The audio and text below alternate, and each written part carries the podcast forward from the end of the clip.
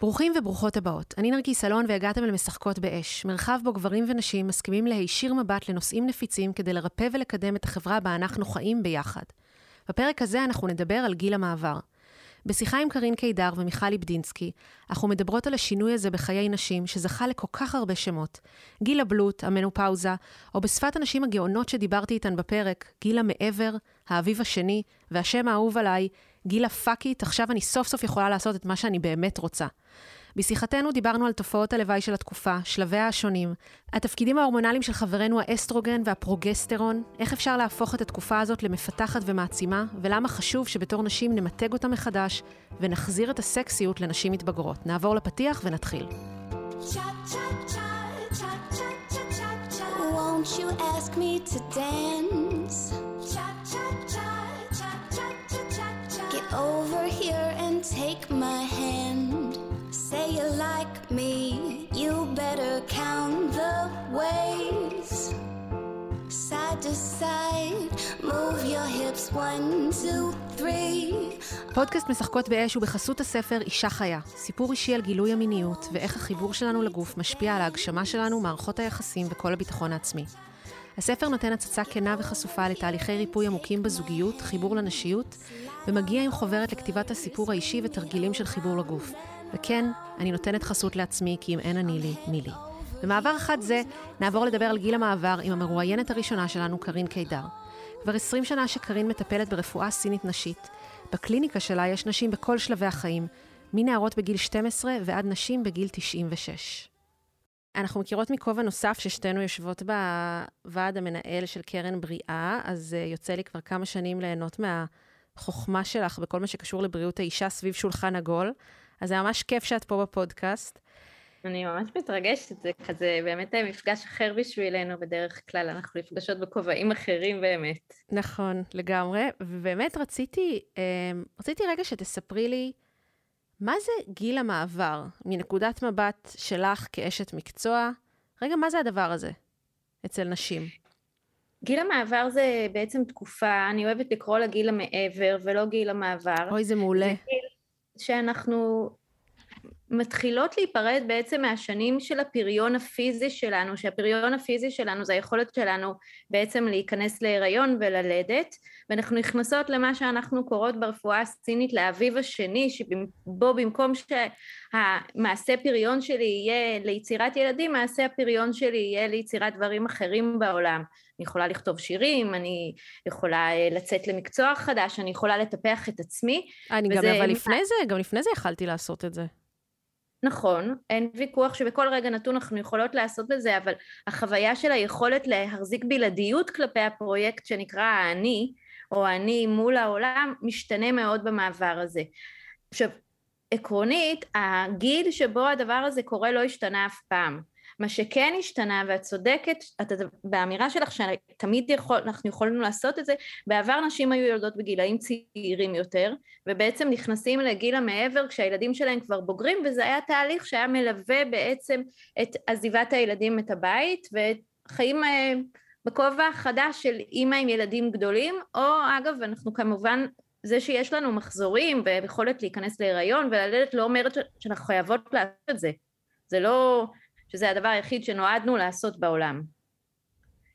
הם, עכשיו התהליך רגע, הזה זה לא... רגע, אבל את אומרת תה... כיום, כיום בעבר זה היה שנשים עושות את זה כשהילדים שלהם uh, כבר עזבו את הבית או בוגרים, ו... וכיום? והיום יש נשים שעושות את תקופת המסדרון הזה, תקופת המ... המעבר, המעבר מגיל, מגיל הפריון להפסקת המחזור, בעודן מגדלות ילדים צעירים, חלקן אפילו עושות את זה בזמן שהן בהיריון או מניקות. באיזה גיל כלומר, זה בדרך לא. כלל, בממוצע? השאלה היא מה את שואלת. תראי, המילה אה, המנופוז, למעשה זה יום אחד בחיים שלנו. וואו. יש לנו תקופת חיים שלמה שהיא התקופה שלפני הפסקת הווסת, והזמן שאפשר להגדיר, זהו, אני במנופוז, למה אני אומרת שזה יום אחד? כי זה היום שבו שנה כבר אין לי וסת. Mm. ברגע שספרתי שנה בלי וסת, אני יכולה להגיד שאני עברתי את גיל המעבר ואני בגיל פוסט גיל המעבר. אני לא פרי מנופוז זה אומר לפני גיל המעבר, מנופוז למעשה זה קצת מצחיק, זה יום אחד בחיים, אפשר לספור בו שנה ולאחר מכן זה כל שאר החיים שזה פוסט גיל המעבר. עכשיו התהליך הזה, למה אנחנו אוהבות לקרוא לו מסדרון? כי הוא יכול להיות כלום בזמן מבחינת החוויה שלי, מבחינת זה שהמחזורים שלי השתנו ואז פתאום אני אגיד אה וואו לא היה לי מחזור כבר כמה חודשים ואחרי זה אני אוכל להגיד לא היה לי מחזור כבר שנה וזהו. ויש נשים שהמסדרון הזה זה מסדרון ארוך ורצוף תקופה כאוטית משונה ומשתנה שיכול להיות אפילו 12 שנים. אני אוהבת להגיד שגיל המעבר זה הרוורס של גיל הנעורים זה תכלס אותו דבר לצד השני. אם גיל הנעורים מתחיל באזור גיל 12 ואנחנו יכולות להגיד שחלק מהנערות מגיעות לחוויה שהם הבשילו את כל התקופה הזאת של גיל הנעורים באזור גיל 18, כלומר באזור 6 שנים, יהיו נשים שגם בגיל 24 נוכל להגיד שהם עדיין לא סיימו את ההבשלה הזו והם עדיין לא הגיעו להיות נשים שאפשר להגיד שהן נשים בשלות מבחינת המחזור החודשי, הסדירות שלו, אבל גם כמובן מבחינה הרגשית, מבחינת ההתפתחות, מבחינת ההבשלה. אז ההבשלה לעבר התקופת הסתיו הזה, התקופה של החיים המשתנים, גם יכולה להיות או מסדרון מאוד ארוך או מסדרון מאוד קצר. הוא יכול להיות מסדרון מאוד מאוד נוח, לא משהו דרמטי, ויכול להיות מסדרון מאוד מאוד סוער, בדיוק כמו שיהיו נערות שיגידו קיבלתי וסת ראשונה בגיל 12 ו... צ'יק צ'אק היא נהייתה סדירה, לא היה איזה סיפור גדול, הכל היה בסדר, קצת הייתי עצבנית, ונה, ויהיו כאלה שיגידו, וואו, היה לי גיל נעורים, מה זה סוער? רגע, לפני שנלך באמת לגרסה הסוערת של זה והרגועה, עדיין, היום הזה, היום האחד הזה שבו ספרתי שנה, מה הממוצע כן. של הגיל הזה אצל נשים? בין שני 49 ל-51.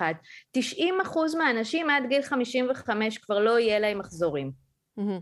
אבל לרוב הנשים פחות או יותר באזור גיל 49 עד 51 יוכלו להגיד זה היה הזמן שבו אמרתי זהו שנה כבר אין לי וסת. עכשיו אמ, נשים שעוברות את המסדרון הזה אם אני לוק... מאמצת את, מה, את המושג שאמרת אמ, בצורה שהיא יותר סוערת, יש קשר בדרך כלל לזה שהן פשוט נשים שיש להן רגישות לשינויים הורמונליים? יש על זה הרבה ויכוחים, חושבים שכן. חושבים שנשים שהיה להם אה, מחזור PMS, קשה או כאלה. קדם, בעיקר מדברים על התסמונת הקדם-וסתית. אפשר, אפשר להגיד שבעצם המחזור החודשי מתחלק לכמה חלקים, אבל החלקים שנגיד שהם הכי מועדים לפורענות אצל נשים זה הזמן שלפני הווסת, ואז אנחנו נראה תסמונות קדם-ויסטיות, והזמן של הווסת עצמה שיכולה להיות או מאוד כואבת, או עם הרבה מאוד דימומים, או עם עייפות מאוד גדולה, אבל מצאו קשר בין נשים שהיה להם תסמונת קדם-וסתית מאוד סוערת, שבוע או שבועיים לפני הווסת שהיו מאוד סוערות, עם שינויי מצב רוח, עם רגישות מאוד מאוד גדולה בשדה, חרדה ועם כל מיני תופעות אחרות, לנשים שתיארו את התקופה לעבר הפסקת המחזור החודשי שלהם כתקופה מאוד סוערת גם. אבל זה לא תמיד בקורלציה. אם אנחנו הולכות לגרסה באמת היותר uh, מאתגרת, אפשר לומר, של המסדרון הזה, היותר מורגשת, היותר מטלטלת, איזה דברים אפשר לראות? אז אני רגע אחלק לך את זה, כי גם גיל המעבר הוא גיל בפרקים. Mm-hmm. נכון הרי שאנחנו מתחילות את גיל הנעורים שלנו, גם שם אפשר להגיד פרקים, בהתחלה יש אה, גדילה של השדיים, שערות, ואז מתישהו מגיעה הווסת, אבל עוד לפני שהווסת מגיעה כבר יש סימנים מקדימים. אז הכניסה לעבר גיל המעבר קורית בכמה פרקים, בהתחלה מה שקורה זה שאנחנו מבייצות לעיתים יותר רחוקות ממה שבייצנו בעבר או שהביוצים שלנו פחות אפקטיביים. כלומר מבחינת רמת האסטרוגן אנחנו נשארות באותה רמת אסטרוגן אבל הפרוגסטרון נהיה יותר נמוך כלומר מבחינת יחסים, היחסים הם שאני בקצת יותר מדי אסטרוגן לעומת קצת פחות מדי פרוגסטרון ואז מבחינת התופעות נשים יתחילו לתאר מחזורים שדווקא הולכים ומת... אה, המחזור, the cycle, הולכים ומתקצרים. הן אומרות לי, התחלתי לקבל כל שלושה שבועות, או פעם הייתי מקבלת כל שלושים וחמישה יום, ופתאום אני מקבלת כל עשרים וחמישה ימים.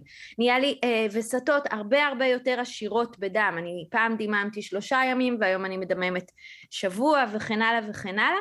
אז הסימנים הראשוניים שאנחנו נכנסים לשם זה לאי סדירות במחזור ודווקא להתקצרות של הסייקל.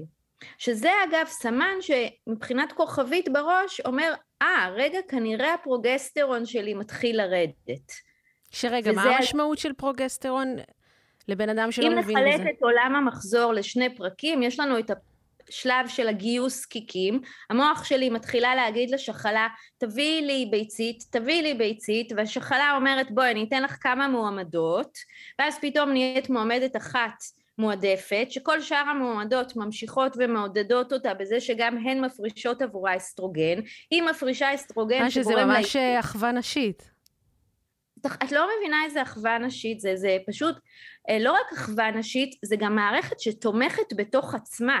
כלומר, הם, תחשבי על זה שכל חודש אנחנו מגייסות כמה וכמה זקיקים, אני אוהבת לקרוא להם זקיקוניות, והן מתחילות לעשות תחרות שירה ביניהם, הן מתחילות להפריש אסטרוגן, ומתחילות לראות מי גם מוכנה להקשיב יותר טוב להוראות. וזאת שמקשיבה הכי טוב להוראות, וגם שולחת את הכמות אסטרוגן הכי עשירה. הן אומרות ביחד, בואו נשלח אותה לייצג אותנו. לגמרי, אבל תחשבי, נכון, הזרע לא ככה, הם יותר בתחרות. מה זה בתחרות? הולכים דוחפים אחד את השני. לא רק זה. אני גם אזכיר לך שהדבר המדהים הוא שלקראת הביוץ גם ההפרשה שלנו בנרתיק משתנה, ומה היא עושה? היא מייצרת הפרשה נרתיקית שעוזרת לזרעים לעלות במעלה הנרתיק שלנו לעבר הרחם, היא עושה להם stairway to heaven. גדול. מחד ממש מדרגות מטורף. נאות. וואי, הטבע, הטבע גאוני. אוקיי, אז את אומרת, אוקיי, אז נבחרת אחת, אבל רגע תסדרי לנו מה זה אומר על האסטרוגן פרוגסטרון. אסטרוגן זה החומר שגורם לכל המערכת להיות ג'וסית יותר. Mm-hmm. זה גיוס קיקים ועיבוי של ערירית, ועלייה, זה מאפשר עלייה בסרוטונין, זה מאפשר את כל החלק הראשון של החודש שאנחנו מלאות מוטיבציה, ולקראת הביוץ אנחנו נהיות גם יותר ג'וסיות, ויש לנו יותר חשק לאינטראקציה, ואנחנו מרגישות יותר סקסיות ומרגישות יותר יפות ורוצות לצאת יותר, ובשלב מסוים אם יש לנו פרטנר אנחנו גם נמשוך אותו אלינו, ואם אין לנו פרטנר אנחנו נרצה לצוד לנו פרטנר. שוב, הטבע היא מאוד מאוד חכמה. ופרוגרסט... ואז... ופרוגרסטרון, מה הוא עושה? בדיוק, ואז יש ביוץ. כשנוצר ביוץ, בעצם מאותו זקיק יוצאים לנו שני דברים, יש לנו ביצית שהיא יוצאת במסע לעבר חיפוש הזרע, ובמקביל בשחלה, אני קוראת לזה במרפסת, נשאר גופיף צהוב. תחשבי שמהזקיק נוצרת בלוטה חד פעמית, היא ממש ל-12 יום אם אין הריון, ל-14 יום אם אין הריון, ועד שהשיליה will take over אם יש הריון שהוא רק מפריש פרוגסטרון. עכשיו פרוגסטרון, מה הוא אומר בשם שלו? פרו-הריון, פרו-ג'סטרון. Mm. זה ממש, זה המטרה שלו. המטרה שלו לתת לרירית להיות שמיכת פוך עוטפת עבור העובר ולתמוך בו עד שהשיליה תשתלט על העניינים. עכשיו, אם המוח מקבל הוראה שיש הריון, כלומר יש הפרשה של הורמון הבטא-HCG שבא ומודיע, עושה זיקוקי דינור למוח, אומר וואו הריון הריון, אז הגופיף הצהוב הזה משנס מותניים ומחזיק מעמד. אם המוח אומר, תקשיבו חבר'ה החודש אין הריון, אז אותו גופיף צהוב מפריש, מפסיק להפריש פרוגסטרון, כלומר הוא פורש מההצגה, ואז הרירית נושרת, כלומר יש וסת. אבל איך, אוקיי, איך פרוגסטרון גורם לנו להרגיש? אם אמרת שהאסטרוגן עושה אותנו ג'וסיות וכאלה, אז מה הפרוגסטרון עושה? רוצות להיות בבית, okay. אוקיי. לנוח יותר. אה, שוב, ביולוגיה היא מאוד מאוד חכמה. היא אומרת, אם יש הריון, בוא נשים את האישה במערה נכון, שלה. נכון. ושתנוח, נראה okay. מה יקרה. ואז את אומרת שבתחילת המסדרון בעצם, של גיל המעבר, תראי, אני לוקחת את כל השפה שהבאת, אז מה שקורה, אז, אז הווסת שלי מתחילה להשתנות. אגב, לא, את אומרת שלא לכל הנשים? לא לכל הנשים היא מתחילה להשתנות? יש, קודם כל, שים, אני חייבת להגיד לך דבר נורא מעניין, יש המון המון נשים שאין להן מושג. הן לא יודעות. לא יודעת כמה זמן אותם, בדרך כלל יש להן. כלום, הן לא יודעות, זה לא מעניין okay. אוקיי. אותן. אני אגיד להם, תגידי, כל כמה זמן את מחס... לא יודעת? כמה ימים את מדממת? לא יודעת. הבנתי. את... אז אנחנו לא, אוקיי, אז, אז, אז את אומרת, להרבה מהאנשים זה מתאפיין בהתחלה של שינויים, קיצור הסייקל ו, אמ, והערכה של משך הווסת, וזה, נכון. ואת אומרת שזה סימן לזה שהפרוגסטרון שלי מתחיל לעלות או לרדת? לרדת. לרדת. לרדת. לרדת, זה אוקיי. אומר שאין, אם אין ביוץ, אין פרוגסטרון. זה נתחיל מההתחלה עד אוקיי. הסוף. אין אז ביוץ, איך אני מרגישה? אין... אז אם אני עכשיו בתור אישה, התחיל לרדת לי הפרוגסטרון, איך זה גורם לי להרגיש מבחינת מזג? מבולבלת. למה? כי אני רגילה ל cycle שבו יש לי שבועיים שאני מאוד ב up, ושבועיים שאני מאוד מוחזקת. כן. שבועיים מאוד ב up, ופתאום אה, ה cycle, החוויה המחזורית מתחילה להשתנות. השדיים שלי נהיים פתאום נורא נורא גדושים, אני אה, מרגישה נפוחה יותר. הפרוגסטרון, כל העבודה שלו, להגיד לגברת אסטרוגן, חמודה, לא להגזים פה. כן. הוא ממש, הוא סוג של מושכות, ואין כאן מושכות.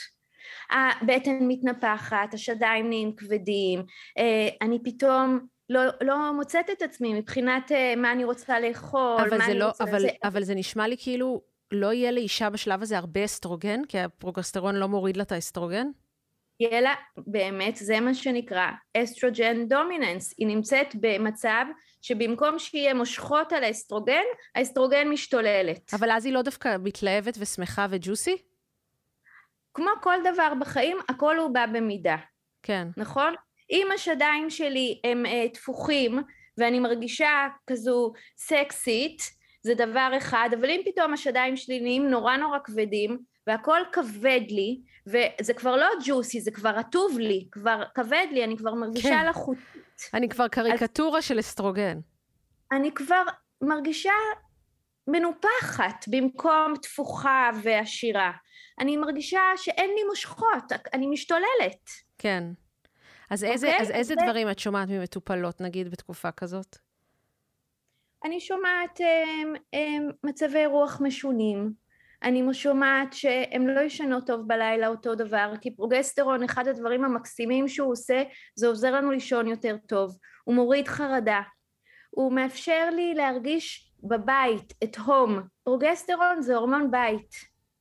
ופתאום אני לא מרגישה את עצמי כמוני. אני חושבת שאחד הדברים המשמעותיים שקורים בתקופה הזאת זה פתאום ללמוד להכיר את עצמי ברעיון, בשיטה חדשה. באמת זה כל כך דומה לחוויה של גיל ההתבגרות, את זוכרת שפתאום אמרת, כאילו לא היה לנו את התודעה הזאת, פתאום לא, קמת בבוקר ולא ידעת מי את? אני זוכרת את זה מאחרי לידה, האמת. זה באמת מאוד מאוד דומה גם לחוויה אחרי לידה, פתאום יש סט חדש של הורמונים ביחסים שונים, אולי הורמונים שאני מכירה, אבל ביחסים שונים, ואני לא יודעת למצוא ידיים ורגליים בתוך עצמי. כן. אז יש שם הרי מלא אפשרויות, אני יכולה לבוא ולהגיד וואו, איזה, אני כבר חכמה, אני בת, אני, אני בת 40 פלוס בדרך כלל שהדבר הזה מתחיל, וואו, איזה מעניין זה, אני סקרנית לגבי זה, ואני יכולה גם להיות נורא נורא בהיסטריה, להגיד אוי ואבוי, מה זה אומר עליי? אני אומרת עקרונית, כל התפיסה התרבותית, איך, איך פעם היו קוראים לגיל המעבר? גיל הבלוט. וואו, מטורף. נכון? יש עדיין נשים, גם בגילי וגם בגילך, שבאות ואומרות לי, הכי מפחיד אותי זה גיל הבלוט. ואני, את יודעת, ישר אומרת להם, אצלי, אצלי לא אומרים את המילה הזאת. אם אני בלויה, תשמעי, אני בתוך הגיל הזה, אני נראית לך בלויה? נראית מעולה. את נראית אש. תדעו שאני רואה אותה עכשיו בזום והיא נראית אש. תודה, שמתי ליפסטיק לכבודך. כן. אז הרעיון הזה שבא ואומר שבעצם להיות אישה זה להיות אה, עם אפשרות לאימהות כי אם לא את זקנה או סבתא זה רעיון שבעיניי הוא מאוד מאוד מקומם. אני מרגישה בשיא חיי, אני מרגישה שהמיניות שלי מעולם לא הייתה כל כך מעניינת ומגוונת, אני מרגישה שאני בשיא הקריירה שלי, ובמקביל המחזורים שלי מאוד משתנים, במקביל אני מבינה שהאפשרות שלי להרות הולכת ומצטמצמת. אז כמובן שלכל הדבר הזה יש קונטקסט שהוא נורא נורא מעניין. אם אני, קארין, יודעת מבחינתי שסיימתי את הש... אני לא רוצה לעשות יותר ילדים, אז תהליך הפרידה מהמחזור החודשי הוא תהליך שהוא תהליך מעניין, אבל אני לא חווה אותו כאבל. אבל תדמייני אישה בדיוק בגילי, שרוצה עוד ילדים, או שלא הספיקה מבחינתה לעשות ילדים, או שלא הצליחה מעולם לעשות ילדים, והיא מבינה שהאפשרות להרות הולכת ונמוגה, איזה אבל עמוק וקשה זה. אגב, אני חושבת שזה גם לפעמים לאו דווקא הרצון לעוד ילדים, אלא מה שזה מייצג. זאת אומרת, אני חושבת שאישה יכולה להרגיש אובדן של נעורים, או אובדן של להיות צעירה, וכל מה שכרוך בזה. מבינה? ולאו דווקא זה שהיא רוצה כרגע עוד ילדים. זה מה שאני רוצה להגיד לך, אבל מה הקשר בין להיות צעירה לזה שיהיה לי מחזור? את עכשיו בהיריון, נכון? מה שזה מייצג. אז אנחנו צריכות לשבור את זה. כן. זה ייצוג לא טוב. הוא לא ייצוג הוגן. זה נכון שגיל המעבר, גיל המעבר, קורה במקביל לתהליך ההתבגרות. כלומר, כשאני אפגוש גבר בגילי, גם הוא בתהליך התבגרות. גם לו יש שיער לבן, גם הוא משתנה, המטאבוליזם שלו משתנה, הוא קצת יותר נוטה להשמנה, לפעמים אה, עומד לו פחות, לפעמים החשק המיני שלו משתנה, ואנחנו לא נדביק עליו את אותן מדבקות שאנחנו מדביקות נכון. על עצמנו, שהחברה מדביקה עלינו. כלומר, הדבר הזה שנעורים לאישה זה חובה, ולגבר כשהוא מתבגר הוא פשוט נהיה בשל, זה משהו שאני לא רוצה להסכים איתו. אני ממש מרגישה שאני הולכת ונהיית פרי בשל, והפרי הבשל הזה הוא פרי שלא יכול יותר לעשות ילדים, זאת אומרת זה כל ההבדל. אני לא יכולה ככל הנראה כרגע יותר להרות. אוקיי. זה לא אומר שאני אני לא צעירה יותר, אבל ברור שאני לא צעירה כמו אישה בת שלושים. יש לי אין שאלה. מה לעשות. אחרי המסדרון, ונגיד הפסיק לי הווסת עכשיו לחלוטין, אז זה פחות השתוללות של הורמונים, מה קורה אחרי זה? הרי משהו מתייצב רגע, מתישהו. רגע, יש לנו עוד אה, פרק אחד לעשות באמצע. אה, אוקיי. בואי נעבור את הפרק הזה. אז היה לנו פרק של ההתקצרות, שבו דיברנו על זה שיש פחות פרוגסטרון, mm-hmm. ואז יגיע הפרק הבא של פרק שבו אני גם אפסיק לגייס קיקים, אני אפסיק לחלוטין את התהליך שבו השחלה שלי תענה למוח. המוח ימשיך ויצעק לי השחלה תביא לי, ת, ת, ת, תביא לי זקיקים, תביא לי זקיקים, אבל השחלה שלי כבר רוצה ללכת לים, כבר אין לה כוח לדבר הזה, היא לא עונה יותר. אז זהו, היא, היא מפסיקה. ואז אנחנו נתחיל לראות התרחקות של הווסתות. נשים יבואו ויגידו יש לי מחזור שמופיע פעם בשלושה חודשים. ואז מתחילים להגיע עוד תסמינים נורא מעניינים, דווקא תסמינים של חסר אסטרוגן, שזה אותם תסמינים של יובש בנרתיק, ושל אה, חוויה שהעור נהיה יותר דק, ולפעמים פלפיטציות, וגלי חום כמובן. מה זה פלפיטציות? והזעות. מה זה פלפיטציות? אה, אה, דפיקות לב, תחושה 아, שאני אוקיי. מרגישה את דפיקות הלב שלי. Mm-hmm. כלומר, אני מתחילה להרגיש את התסמינים שמתאימים לעולם הירידה באסטרוגן, אבל כיוון שנשארו לי גם, אם יש ירידה באסטרוגן אז אני גם בירידה של פרוגסטרון, מתחיל להיות תמונה קצת יותר סוערת. באמת, הרבה גלי חום, הפרעות שינה, שינוי במצבי כוח. מה זה? זה הכל יורד, מה נשאר אם כל ההורמונים האלה יורדים? קודם כל זו תקופה שעוברת. בדיוק כמו גיל okay. אוקיי. ההתבגרות, ממש כמו בגיל ההתבגרות. אם בגיל 16, שהיית סופר סוערת מישהו היה בא ואומר לך, תשמעי נרקיס, עוד שנה, שנתיים זה יירגע. אז היה בסדר מבחינתך, אבל... ממש לא, שנה, שנתיים זה נצח, זה מלא זמן, אבל סבבה. אבל נכון, אבל כשאת בת 45, או 6, או 7, או 8, שנתיים זה כבר לא נצח. כן. וגם יש לנו כל כך הרבה מה לעשות כדי להקל על עצמנו.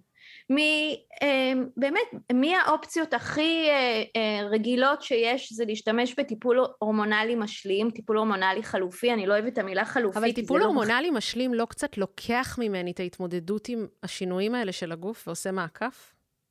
בוודאי שכן, אבל זה ממש זכותה של כל אישה להחליט מה שמתאים לה. Mm-hmm. בדיוק כמוך נרקיס, את הולכת ללידה, ואני לא אתן לך אה, מדליה אם תחליטי ללדת בלי אפידורל, כמו שאני לא אכתוב לך מספיק בקושי אם תחליטי ללדת עם אפידורל, אלא אני אחזק אותך כל הדרך אל הלידה ולהגיד לך נרקיס, תבחרי את מה שהכי מתאים לך לאותו יום, לאותו זמן, לאותה שעה, אני סומכת עלייך שתעשי את הבחירות הכי טובות עבורך, זה אותו מסר שאני מעבירה לנשים, גם בגיל ההתבגרות אגב, נערות שמגיעות ומתלבטות אם לקחת גלולות כדי להפסיק את הסערה, לעומת נשים שמגיעות אליי בתקופת הגילאים שלנו, שבאות ואומרות לי, אני לא יודעת מה לעשות, נפרוס בפניהם את כל האופציות, אפשר להיפגש עם זה, אפשר, ואפשר להחליט שאני לא רוצה להיפגש עם זה או לעשות פגישה קצת פחות סוערת. גם אישה שהיא יולדת בפידורל היא אכן נפגשת עם הלידה, אי אפשר להגיד שהיא לא נפגשת שם, אבל היא מורידה את הווליום של המפגש. אוקיי, okay, אז דרך אחת זה הטיפול ההורמונלי המשלים, מה הדרך הנוספת? להקל? אני חושבת שהיא לא הדרך הנוספת, היא דרך שחייבים לקחת גם אם מחליטים בטיפול הורמונלי חלופי, וזה לבוא ולהגיד, אני חייבת לשנות משהו באורח החיים שלי, משהו פה לא עובד. אני חייבת לומר שהדבר הכי משמעותי והכי לא מדובר מספיק זה להסדיר את השינה. אנשים שלא ישנים טוב, מי כמוך יודעת עם ילד קטן בבית, אנשים שלא ישנים טוב לא מתפקדים טוב. ולטפל בהפרעות שינה של התקופת שינויים הזאת זה הדבר, הדבר בעיניי הכי הכי דרמטי. זה אה, לשנות הרגלי חיים של שתיית האלכוהול וקפה, זה להעלות בצורה אה, משמעותית ונכונה את הפעילות הגופנית שלנו, לשנות אולי את השעות שלה, אולי לשנות את העצימות שלה, אולי לחלק אותה ליותר פעמים בשבוע. זה אומר לשנות את התזונה שלנו, שתהיה תזונה פחות מחממת, פחות שגורמת לחוויה כאוטית. זה יהיה אולי להתחיל ללמוד להגיד לא, להוריד עומס קצת מהצלחת, אולי הצלחת שלי קצת מלאה מדי והגוף שלי אומר, תשמעי אי אפשר גם לעשות שינויים כאלה גדולים וגם לעשות הכל, שוב כמו ילדה בת 17 שתמצא את עצמה במשך זמן מסוים פתאום חייבת ללכת לישון יותר מוקדם כי הגוף שלה עובר מלא שינויים והיא צריכה לתת לו לעשות את זה. אבל היתרון שוב הכי גדול שאנחנו חכמות. זה גיל של תבונה וחוכמה ומי שמוכנה להיות חכמה שם, וואו איזה גיל כיפי זה, קשה לי לתאר לך כמה זה כיף, ואפילו גלי חום זה אירוע נורא נורא מעניין. אני מאוד חווה אותו כמו החוויות שהיו לי בזמן צירים. זה משהו שבא ושוטף אותי, ואני צריכה להיכנע, ואני יודעת שהוא יעבור. וואו. אם אני לא נתעלת ממנו, אם אני לא מקללת... כמה זמן זה גל חום? כמה זמן זה נמשך? הכי הרבה זה דקה. אה, מעניין, אוקיי. כן, דומה לצירים תכלס, כן? כן. ויש נשים שיהיה להם שלושה ארבעה גלי חום ביום, יהיו נשים שיתארו כעשרה ויש נשים שיהיה להם במצבים קיצוניים חמישים גלי חום ביום. אז שוב, בחוויה שלי קארין, ארבעה, שישה ביום אני מתמודדת סבבה. בימים, בעיקר זה קורה לי לפני וסת, שזה נהיה יותר סוער, יותר קשה לי, אין מה להגיד. אבל אני, כמוני, אוהבת את המפגש. ואם אני נושמת לתוכו, אם אני לא מתביישת בו, אם אני מסוגלת להרים ראש באמצע פגישה ולהגיד שנייה חבר'ה יש לי גל חום עוד שנייה זה עובר בעיניי זה ממש מאפשר לגל חום לעבור דרכי וללכת. זה מאוד מאוד אבל נשים שבכל גל חום כזה מקבלות גל עם כל הקונטקסט. אני מזדקנת הלך עליי רואים לי, איזה מביך, איזה פדיחה, וכן הלאה וכן הלאה, כמו שאנחנו נוטות לעשות על הרבה עניינים נשיים אחרים, בחוויה שלי הן נכנסות לעולם מאוד מאוד מפחיד. ואני לא יכולה להגיד שלילות שבהם יש לי גלי חום באמצע הלילה שמעירים אותי משנה זה חוויה נעימה, שלא יהיה פה אה, שקר. אבל הקונטקסט מבחינתי הוא הידיעה שזו תקופה של מעבר, שהגוף שלי עובר שינויים כמו בכל שינוי הורמונלי שקרה לי בחיים, אחרי לידה, בתחילת הריון, ואני בסדר, אני עוברת עם זה ודרך זה. ואני יכולה להבטיח לך אבל שאם המצב יהיה כזה שבו אני ארגיש שאני לא מתמודדת, שזה לא מתאים לי, שזה לא נכון לי, יכול להיות שאני אחליט להשתמש בהורמונים. אני ממש לא מתנגדת לזה. ואז מה קורה אחר כך, אחרי שזה מתייצב? אז החיים ממשיכים בלי וסת. לא, אבל, אבל הם לא רק ממשיכים בלי וסת, גם מה קרה למצב ההורמונלי שלי? המצב ההורמונלי שלי עובר להיות מצב הורמונלי עם אסטרוגן מסוג אחר, לא אסטרוגן שחלתי, ואני ממשיכה לחיות, אני, יש לי במקרה הטוב כארבעה עשורים בחיים בלי מחזור חודשי. אבל איך זה מרגיש? אני מבחינת אסטרוגן, כמו ילדה. יש היום הרבה אה, עבודות נורא נורא מעניינות על התעוררות הילדה הפנימית. עם המעבר לעבר, הרי יחד עם הכניסה לעולם האסטרוגני של האסטרדיול, האסטרוגן השחלתי, נוצרים בי גם traits שמאמנים אותי להיות אימא, נכון? שיהיה לי אכפת מה שחושבים עליי, ושיהיה לי אכפת מהזולת, ושאני אדע לשים את הצרכים של האחר לפניי, ושאני אוכל להתעורר באמצע הלילה לתינוק בוכה ואני לא אהרוג אותו. המון המון דברים נורא נורא חשובים לשנים של גילאים שיש בהם אפשרות לאימהות. עם הכניסה לעבר גיל המעבר, הדבר המדהים שקורה זה שהיכולת שלי או הרצון שלי לשים את הצרכים של הזולת לפניי הולכת ומשתבשת. לא בא לי יותר. ואז יש לי שנים שלמות של מה פריחה. מה שהרבה נשים מתארות כפאק איט. אה, אני קוראת לזה שהאצבע השלישית מתארכת באזור גיל 45, כן. שאת ממש מעריכה את האצבע השלישית והיכולת שלך לבוא ולהגיד לא, לא מתאים לי, בלי להרגיש שהעולם קורס, הולכת ומשתכללת, וגם אגב היכולת להגיד כן, ובא לי לנסות ולא יקרה כלום אם זה לא יצליח, הם גם, אני, אני עפה על זה, אני ממש ממש נהנית מהדבר הזה שנוצרו לי גבולות חדשים לכל הכיוונים. אני הרבה פחות מפחדת עם הגיל הזה, זה ממש גיל שמגדל איזשהו שריר אומץ חדש שהזולת פחות משפיע עליו. וזה אגב כמתנה של ירידה מהאסטרוגן הזה. מעניין ממש. איך, איך זה משפיע על מיניות, אחרי שזה כבר מתייצב? זו שאלה מאוד מאוד טובה והיא נורא מעניינת. ואני קצת, והיא קצת מדכאת. המטופלות שלי שהן גרושות או אלמנות מתארות נשים עם, שנים עם ליבידו מאוד מאוד עשיר. עם uh, הרבה רצון להרפתקאות מיניות, כמובן את לא יכולה להיכנס יותר להיריון, אז כל הפחד מכניסה להיריון לא מתוכנן, נעלמת לך. את יכולה לקיים יחסי מין כל החודש, במיוחד נשים שנמנעות מיחסי מין בזמן ביוץ או בזמן דימום, בעצם היה להם צמצום נורא גדול של הימים שהם היו מקיימות יחסי מין. פתאום הכל, כל הימים פתוחים. נשים שנמצאות במערכות יחסים ארוכות טווח הרבה פעמים מתארות דברים יותר מורכבים. כמו כל מיניות בתוך מערכת יחסים, אה, מתחיל להיות שעמום וחוסר עניין, ואם אמרנו שקצת פחות אכפת לי בלרצות את הזולת, אז גם אני קצת פחות רוצה לעשות מין כשלא בא לי. ובוא נהיה כנות, לרוב הנשים שמתבגרות יש גבר שגם מתבגר איתם, וגם גברים המיניות שלהם משתנה, ואולי אני כבר לא כל כך נמשכת לגבר שאני מוצאת לידי כשהוא מתבגר.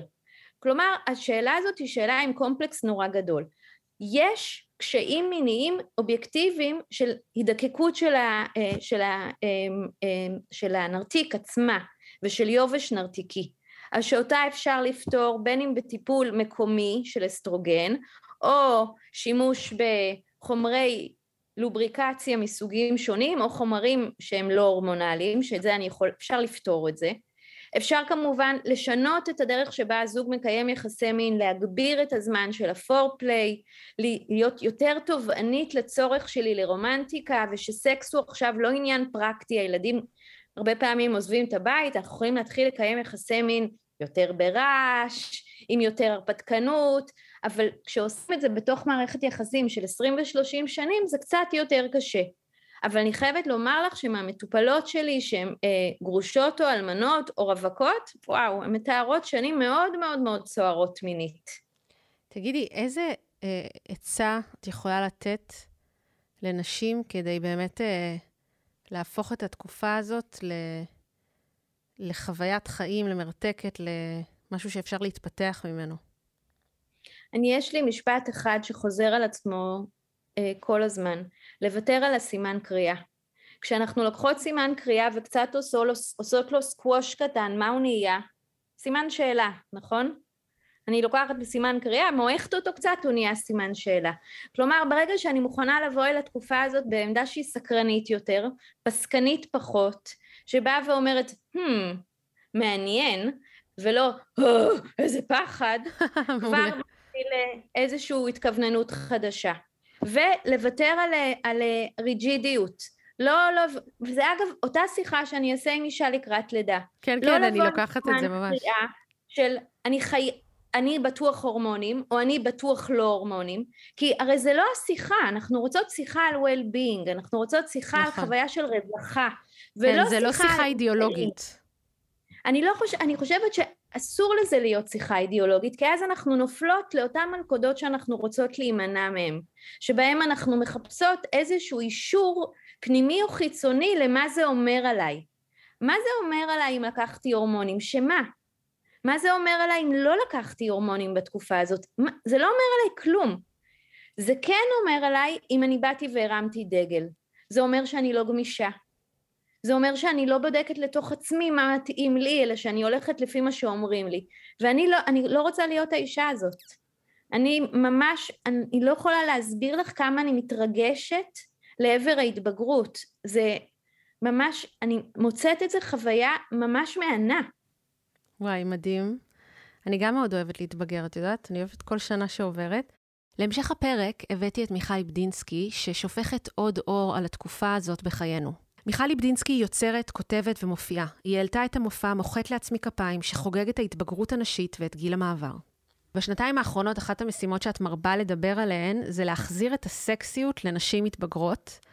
אז רגע לפני שנדבר על הצורך הזה ומה זה אומר, אני רוצה להתחיל, בואי נתחיל רגע למתחילים. מה זה בכלל להיות אישה מתבגרת, ומתי את הבנת שאת נכנסת לזה, שזה קורה לך? וואי, שאלה מעולה. היא גורמת לי לעצור רגע ולחשוב, כי, כי מבפנים התחושה היא כל הזמן של קטנה. כאילו, זו ילדה קטנה מסתובבת בעולם, אה, באופן מפתיע פתאום זו ילדה קטנה שיכולה לנהוג באוטו, וילדה קטנה עם אוטו וכרטיס אשראי, והרבה פעמים ככה אני מרגישה, כמו בילבי. ו- ופתאום ההלם הזה של וואו, רגע, השיער מלבין, והקמטים uh, מתחילים, והחזה נכנע לכוח הכבידה וצונח, ובילבי מזדקנת. אמ, זה נראה לי באמת, uh, הגוף זה הסימן הראשון, כי מבפנים זה לא מרגיש ככה, אבל uh, כשמסתכלים uh, בחיצונית, אז מתחילים להבין שכן, זה, זה קורה לי. כרגע באמת תופעת הלוואי שלי זה שמחה הולכת וגדלה. ויחד עם פחד, כן? בואו לא נהיה רק... למה פחד? פחד מההבנה הזאת שהעתיד שלי הוא הזדקנות ומוות. Mm.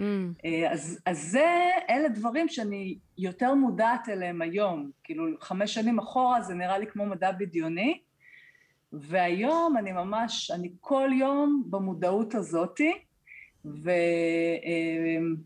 ובתחושה שהעתיד זה, זה מה שמחכה לי בעתיד, להזדקן עוד ולמות. איפה קיבלת בחברה מסרים שיש משהו בהתבגרות כן. נשית שהוא, שהוא שלילי, אם את חווית את זה בצורה שהיא, את חווה את זה בצורה שהיא חיובית? כן, בדיוק מזה, כאילו הופתעתי. זה נולד בעצם מהחוויה של ההפתעה שלי. שאני אומרת, אוקיי, 40, 42, 45, אימא ל 46, אבא ל 47, 48, 49, כאילו זה כבר גילאים שאת מרגישה כמו בבנג'י, או כאילו שאת עולה, עולה, עולה, עולה, ותכף הרכבת תרים שלה אה, לעוף מהחיים העסיסיים. ו, ואני אומרת, וואלה, כל שנה, באמת, אני מרגישה יותר, אני מרגישה יותר עני, יותר טוב, יותר uh, מדויקת, יותר, יותר כאילו, יותר שמחה. אז, אז זה בעצם נולד מההפתעה הזאת, שאני אמורה עכשיו להיזרק בביתה החוצה, ואני מרגישה בבשלות שלי, ושהבשלות שלי היא, אני, אני אישית קוראת לזה גיל הבשלות, לא גיל המעבר ולא גיל הבלוט, אלא גיל הבשלות, וש... ושפרי בשל, זה כאילו לזה חיכינו, לרגע הזה, זה התחיל פרח, זה הפך להיות פרי שהנץ, ואז הוא הולך ו, אה, ונאפה, מה שנקרא, ועכשיו, בגיל 49, אני כאילו יכולה להתחיל לשבת על מקומי, לראות את כל העבודה שעשיתי עד היום, ליהנות ממנה, אה, ויותר, וליהנות מהדברים שהשגתי. אז, אה, אז זה מאוד הפתיע אותי, כי, כי כולם אומרים לי, לא, את צריכה להיות בדיכאון, ועם קשיים, ובלה, וזרוקה, וכזה, והחוויה הפנימית שלי היא הפוכה. גם על סיפורי האגדות, אני עכשיו המון המון חושבת על, אה, על שלגיה, ועל, אה, מה זה שם, רפונזל, שיש שם סיפורים על אה, נשים מבוגרות יותר שחומדות את היופי של הצעירות. כאילו שהגיעה זה ראי ראי שקר, מי הכי יפה בעיר. נכון. אה, אני ממש יכולה לראות היום בתור אישה מתבגרת את הפחד הזה באמת שאני כבר לא אהיה רלוונטית, שלא יסתכלו עליי, שאני אכנס למקום והמקום לא יזוז קצת בגלל שנכנסתי אליו, זה נורא מפחיד. וואו. ואני יודעת שהשבוע הזה יגיע. כמה חשוב לנו להיות יפות, ובסיפורי האגדות האלה המבוגרת רוצה להכחיד את הצעירה, או, לש... או לינוק אותה כמו ערפד. רפונזל זה כאילו היא יונקת את הצעירות שלה, היא יונקת מהשיער שלה את, את יפי הנעור, הנעורים של עצמה. ו... ו... וזה זקנות כאלה, מכשפות רעות, הכל רוע, רוע, רוע. אני חושבת שזה אחד הדימויים הכי basic שלא שמתי לב אליהם כשהייתי ילדה, כשהייתי ילדה לא חשבתי על זה שהיא מבוגרת והיא צעירה ומה זה אומר וכזה, ואני יכולה להגיד שהיום כשאני מסתכלת סביבי ואני מחפשת השראה, אני רואה נשים מבוגרות בפאניקה, מנסות להאחז בצעירות, מנסות להאחז במראה הצעיר, וגם כאילו עובר שם איזשהו מסר של להתבגר זה לא טוב, ומה שטוב זה, זה צעירה, זה להיות צעירה, זה לראות צעירה, זה... בעצם יש פה משהו שיש להאחז בו אה, בכל האמצעים האפשריים. זה מה שאני רואה סביבי. איך את מרגישה שזה השפיע אצלך בעולם של האינטימיות והמיניות, הקטע, ככל שאת מתבגרת? אז, זה גם, יש לזה שני פנים. אה, הקטע הטוב זה שזה מעמיק, אני ממש פשוט מרגישה את העומק. אה, והעומק טעים לי, הוא טעים לי ונעים לי. כן.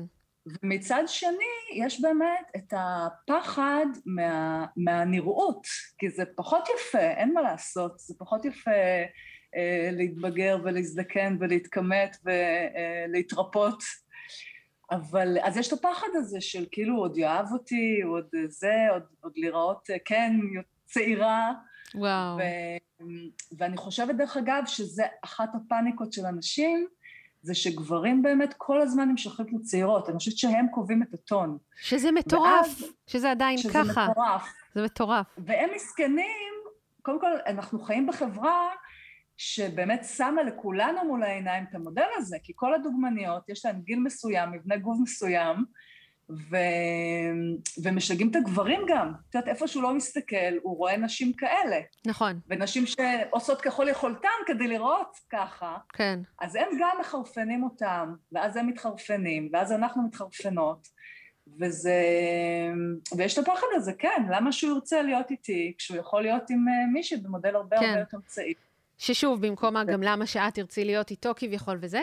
לגמרי. וזה מעניין באמת אני... אם זה היה משנה משהו, אם, אם היה מודלים כאלה, היה מודלים כאלה של יופי וסקסיות יותר עם קמטים, אז את, את מאמינה שזה היה משפיע על המשיכה המינית של גברים חד משמעית.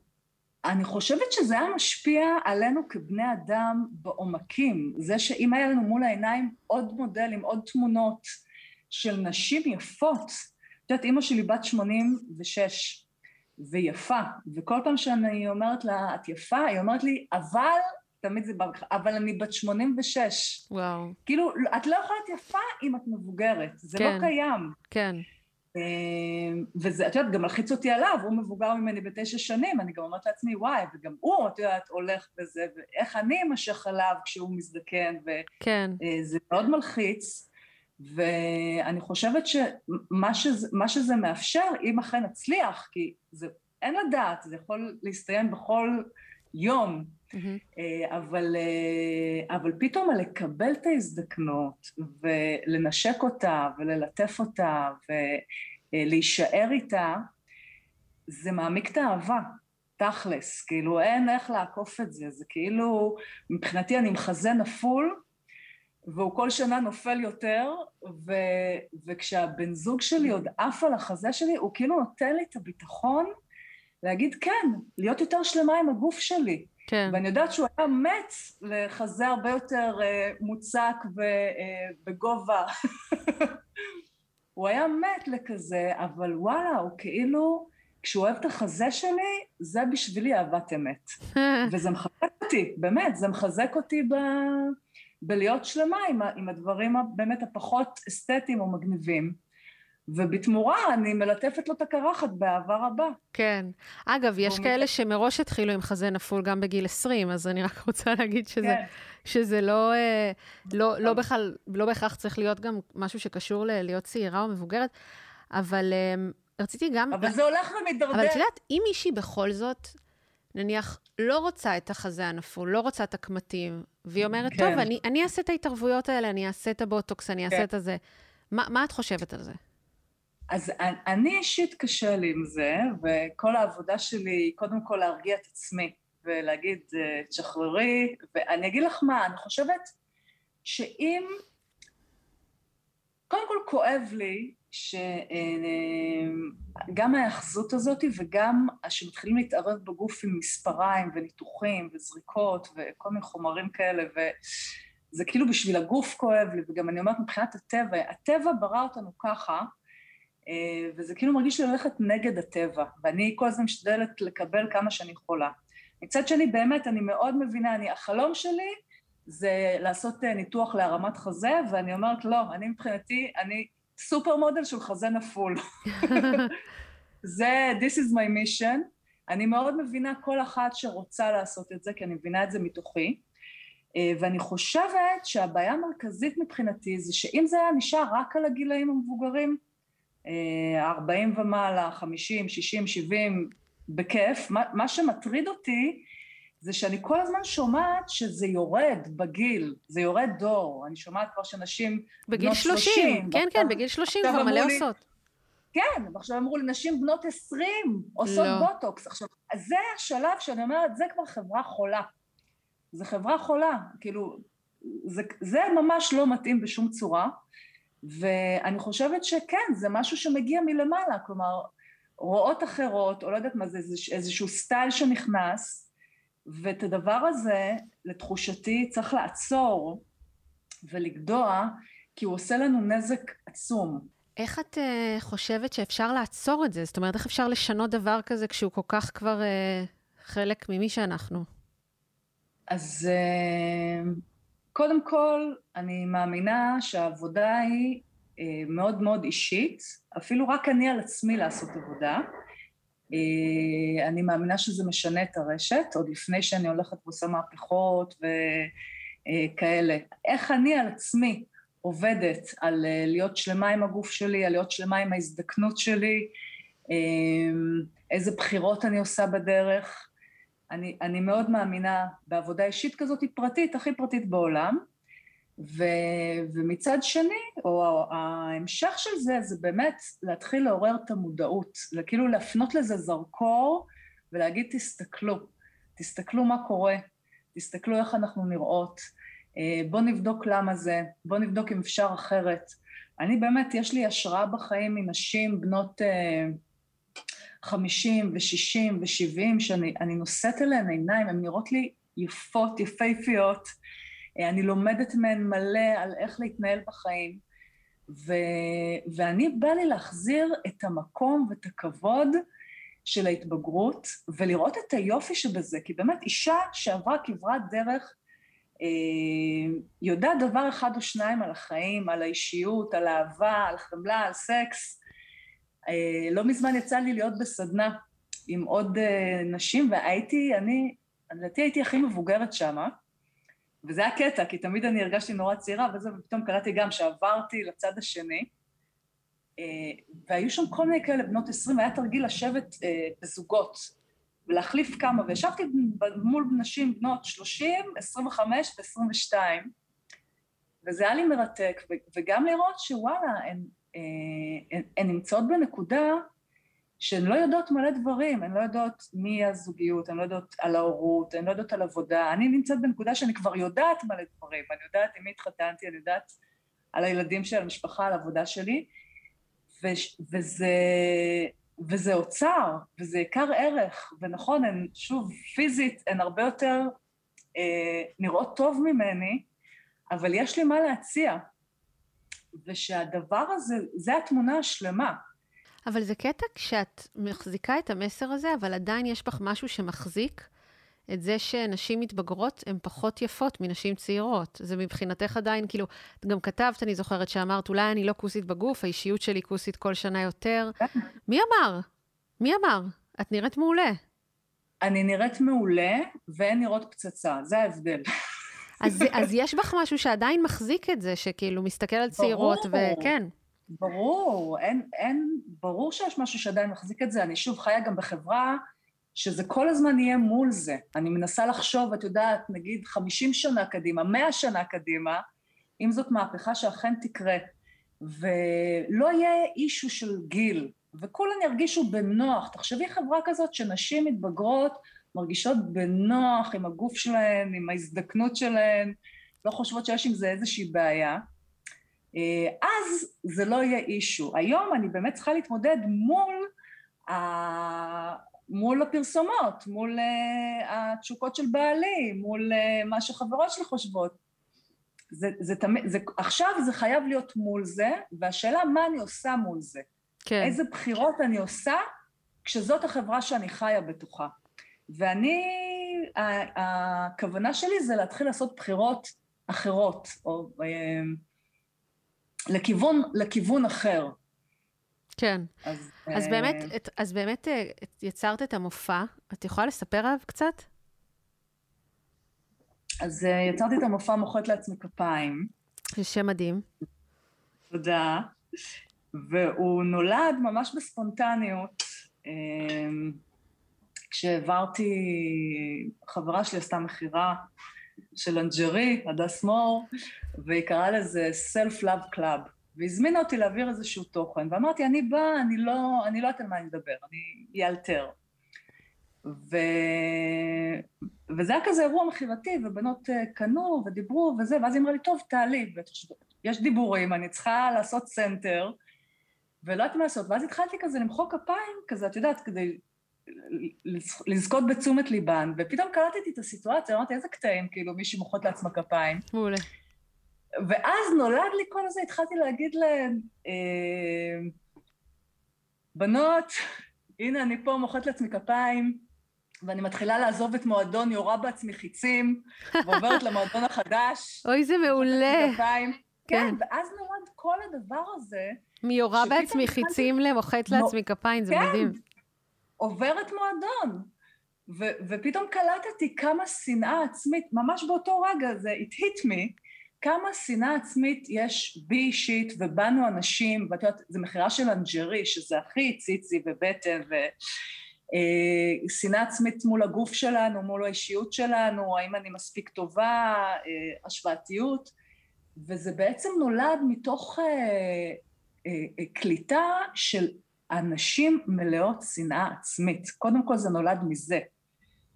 איך אני עוברת מהמועדון הזה של יורה בעצמי חיצים למועדון של מוחאות לעצמי כפיים ומתחילה לשנות את כל הסיפור הפנימי שלי, של אני, האם אני מספיק טובה, אני, אני, אני תמיד נראה לי שאני חייבת להיות הכי טובה בהכל, אה, באימהות, בזוגיות, במיניות, באופנה, בבישול, באיך שאני מדברת, אה, ובעצם לא להיות הכי טובה, זה בסדר, איך אני בעדי, גם כשאני נכשלת, גם כשיצאתי טיפשה, גם כשלא אה, הצליח לי.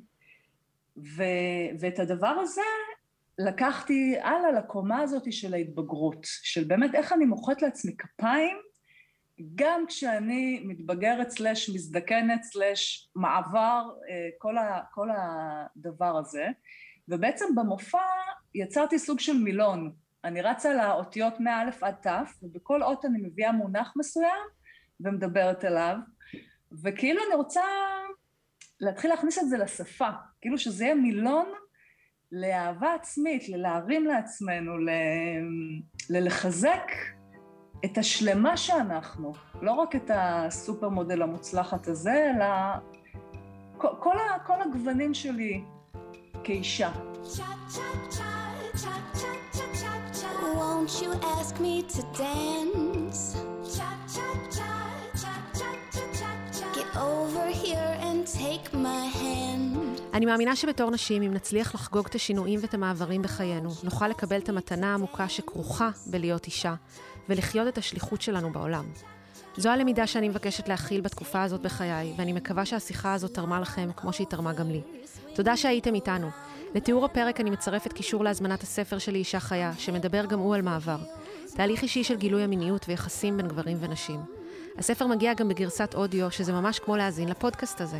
תודה למיכל ליבדינסקי ולקרין קידר, אתן נותנות לי אומץ במעבר אשר קרב ובא אליי, שגם הוא מלא בהורמונים.